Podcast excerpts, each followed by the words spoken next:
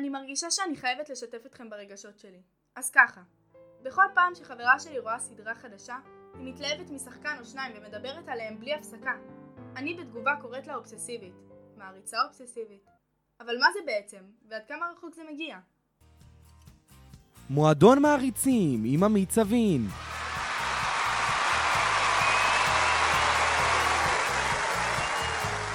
בואו איתי לגלות עד כמה רחוק יכולים להגיע מעריצים ומעריצות.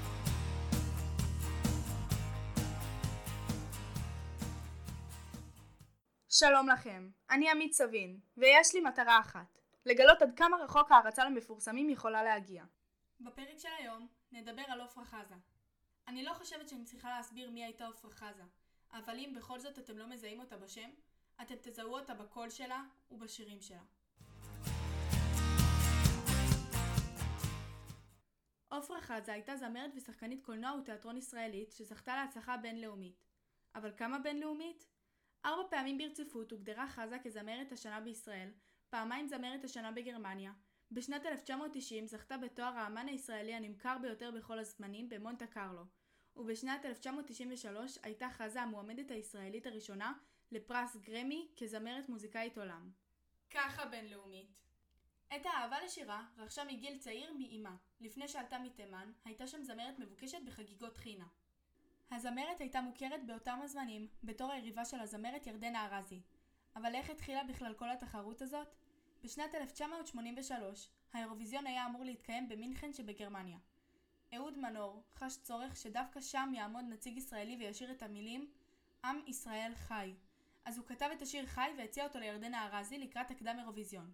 אך ארזי סירבה לקבל את השיר בטענה שכבר הכינה אחד. מנור פנה לחזה שמיד הסכימה לבצע אותו. בפעם הרביעית מאז שניסתה חזה להתקבל לתחרות, התקבל השיר ששלחה. ובתחרות הקדם אירוויזיון שנערכה בירושלים זכתה במקום הראשון עם 73 נקודות ונבחרה לייצג את ישראל באירוויזיון 1983. ארזי הגיע למקום השני בפער של נקודה אחת ויש שטוענים שתחרות זו היא שפתחה את המלחמה בינה לבין חזה ובעיקר בין מעריצותיהן. המלחמה נמשכה מספר שנים. השיא של המלחמה היה בהופעה של ארזי באמפיתיאטרון וואהל בתל אביב כשמעריצה של חזה ירתה על שמלתה דיו מתוך אקדח צעצוע. מלחמה תקשורתית התחילה בין שתי הזמרות, ובעיקר בין המעריצות שלהם, והגיעה לסופה כאשר השתיים הודיעו כי התחרות אינה ביניהן אלא בין המעריצות. במהלך ההכנות לתחרות האירוויזיון בגרמניה, ביקרו חזה ושאר הצוות הישראלי במחנה דכאו. שם פגשו ניצולי שואה מישראל שביקשו מהם להיזכר במראות ממחנה הריכוז לפני ביצוע השיר לתחרות. גם בגדי ההופעה באירוויזיון של חזה ושל מלוויה עוצבו בהקשר לשואה. מעצבת התלבושות בחרה להלביש את עפרה חזה בחליפה לבנה ואת מלוויה בבגדים צהובים, מתוך מטרה להנציח ואולי להזכיר את הטלאי הצהוב שענדו היהודים על אדמת אירופה. השיר הישראלי דורג במקום השני בתחרות בהפרש של 6 נקודות בלבד מהשיר הזוכה. גם בישראל זכה השיר להצלחה מרובה. באביב 1984 הוציאה חזה את האלבום בית חם. זו הייתה תקופה שבה נערות רבות עזבו את בית הוריהן, ובתקשורת התגוללו סיפורים על נערות שלא מצאו בביתן בית חם. חזה ביקשה מבצלאל אלוני שיכתוב שיר בנושא והוא נהנה. השיר הנושא גם את שם התקליט, סיפר על חלום ילדות נושן של חזה, שלפיו אם יהיה לה יום אחד הרבה הרבה כסף, היא תייסד מעון לילדים נזקקים, שיהיה בית חם. באותה השנה החלו חזה ואלוני בפרויקט שאפתני, אלבום שכל השירים שלו יהיו שירי עם תימניים, שאותם תבצע חזה כמחווה למורשת שלה. בזכות הצלחת אלבום זה והצלחה באירוויזיון, נעשתה חזה לזמרת מבוקשת גם מחוץ לישראל, בעיקר באירופה. חצי שנה לפני מותה, הוזמנה להתארח במשדר מיוחד לקראת אירוויזיון 1999 בירושלים בערוץ הראשון. אך בעקבות מצבה הרפואי, לא הגיעה פיזית לתוכנית, אלא רואיינה מרחוק. זו הייתה ההופעה האחרונה שלה בטלוויזיה. חזה ביקשה מההפקה להגיד שהיא בהקלטות בלונדון, על אף ששהתה בביתה בהרצליה. בתחילת שנת 2000, החמיר מצבה הבריאותי של עפרה חזה. היא הופעלה לבית החולים תל השומר במצב קשה, ונפטרה כעבור 11 ימים, ב-23 בפברואר 2000 בשעה 7:40, מסיבוכים שנבעו ממחלת האיידס. בזמן אשפוזה, בני משפחתה ודוברות בית החולים סירבו למסור פרטים נוספים על נסיבות מחלתה של חזה, והכחישו אותם. כארבעה ימים לאחר מותה של חזה, פרסם עיתון הארץ שסיבת המוות נגרמה בשל מחלת האיידס. הזמרת, שהייתה כל כך אהובה בקרב הקהל הישראלי ובעולם, הונצחה בדרכים רבות. בשנת 2009 הנפיק דואר ישראל בול על שמה של עפרה חזה. בשנת 2012 יצאה הסדרה מלכת קסמים בכיכובם של כוכבת הילדים רינת גבאי, גיא פרידמן, חנה לסלו וניקי גולדשטיין. הסדרה הייתה בנויה משיריה של חזה, כגון מלכת קסמים, סוף הקיץ, חי, מי שהולך תמיד איתי, בית חם ועוד. בגן התקווה שבשכונת התקווה הוקמה על גבעה קטנה, הנקראת גבעת עופרה, אנדרטה לזכרה, ובו קטע משירו של הרב שלום שבזי, אם ננעלו. ביוני 2019 חנכה ארקיע מטוס שנקרא על שמה של עפרה חזה. בערים רבות נקראו רחובות על שמה של עפרה חזה.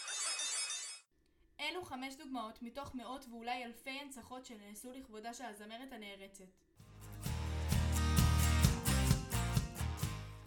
קולה של עפרה חזה לא נעלם כשנפטרה. שיריה של הזמרת נחקקו בתרבות הישראלית והעולמית. בינואר 2023 נבחרה על ידי מגזין רולינג סטון כאחת מ-200 הזמרים הכי גדולים של כל הזמנים, על המוזיקה הייחודית שהביאה לפופ האמריקאי בשילוב של מוזיקה אתנית. ב-11 באפריל 2023 תאגיד השידור כאן 11 פרסם שיר לכבוד 75 שנה למדינה, ובו בינה מלאכותית למדה את קולה ופרסמה שיר דואט עם זוהר ארגוב שנקרא "כאן לעולם". כששאלתי את עצמי את מי אראיין, ישר נזכרתי בעופרי אהרון. עופרי לומדת שכבה מתחתיי בבית הספר בו אני לומדת. עופרי מעריצה את הזמרת באופן אובססיבי, ואפילו קוראת לעצמה ברשת החברתית אינסטגרם עופרה חזה רק עם ו', מפני שבשם עופרי יש את האות ו', ובשם של עופרה חזה אין את האות ו'. היי hey, עופרי, מה שלומך? שלומי מצוין, ברוך השם. אני ממש שמחה לשמוע. אז למה דווקא עופרה חזה? שמעתי את שמה מאז שנולדתי, בגלל שקוראים לי עופרי אז נוהגים לכנות אותי כל הזמן עופרה או עפרה חזה, וגדלתי במשפחה מלאת דודות תימניות שהיו שרופות עליה ומעריצות מושבעות, מעין גרופיות של עופרה חזה, ומאז שנולדתי אני זוכרת שהיו קוראים לי ככה. האמת שביסודי הייתי ממש מתעצבנת מזה, אבל לאט לאט עם השנים הבנתי מי זאת ומי היא בכלל. פתאום את מגלה שכאילו, את מדקלמת שירים, ומי ידע בכלל שזה שלה. וואו, ואיך התחלת להריץ אותה? ההערצה הזאת טכנית התחילה מגיל אפס, אבל הרגע שבו ממש הבנתי שכאילו, זהו, היא הבן אדם האהוב עליי בכל העולם, זה היה בעצם בחטיבת ביניים, כלומר גיל 13, אחרי שהכנתי את עבודת השורשים והבנתי שזו לא סתם זמרת. איך המשפחה שלך מגיבה לזה? היום הפכתי להיות דודות שלי, רק ברוך השם בגרסה קצת יותר מעודנת. אחרי שסבתא שלי נפטרה, מצאנו ארגזים של זיכרונות, ועל אחד הארגזים היה כתוב עופרה חזה רויטל, שרויטל זו בעצם אחת מהדודות שלי. ישר התלהבנו ופתחנו עם רויטל את הארגז, ומצאנו שם תמונות של עופרה, ספר זיכרונות של עופרה עם ציטוטים ורשימות שירים, והייתה לה גם אפילו שם חולצה של עופרה חזה. הבנו שהיא אכן הייתה מעריצה מושבעת, ומסתבר שדודה אחרת שלי בשם אספיני הייתה מעורבת במכות עם מישהי מהשכבה שלה, בגלל שהיא העריצה את ירדנה ארזי. וואו, איזה סיפור. את היית מגדירה את עצמך כמעריצה אובססיבית? אם כן, אני אשמח שתסבירי למה. חייבת לומר שהיום קצת קשה לי עם זה שאומרים שעדיף את ירדנה ולא את עופרה, ואני עושה קצת פרצופים מדי פעם, אבל דודות שלי אומרות שעברו 200 שנה, למרות שכל מפגש משפחתי אני ישר שמה שירים של עפרה, ורואים את כל המשפחה הרוקדת ושרה. תשמעי עמית, לא הייתי מגדירה את עצמי אובססיבית, אבל בואי נגיד שהלכתי בעקבות דודה שלי פעם אחת, ונקלעתי ל cat fight בלשון המעטה, עם חברה טובה, כי הייתה לה פליטת פה קטנטנה שהיא מעדיפה את ירדנה ארזי.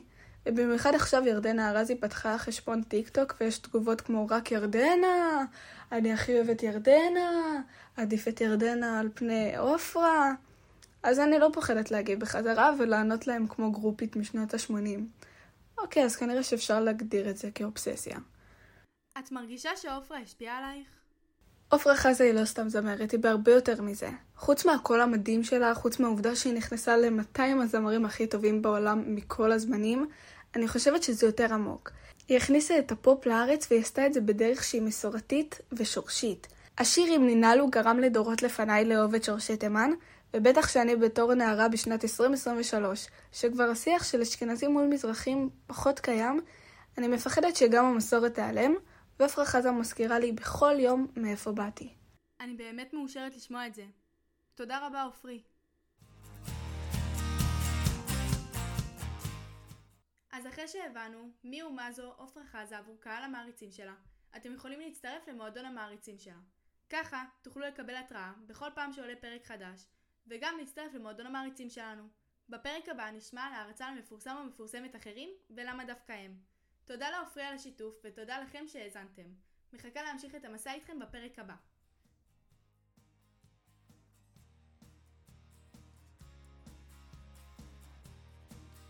הפרק הופק במסגרת לימודי הרדיו של מגמת התקשורת בקריית החינוך על שם גינסבורג יבנה. כאן כל יבנה.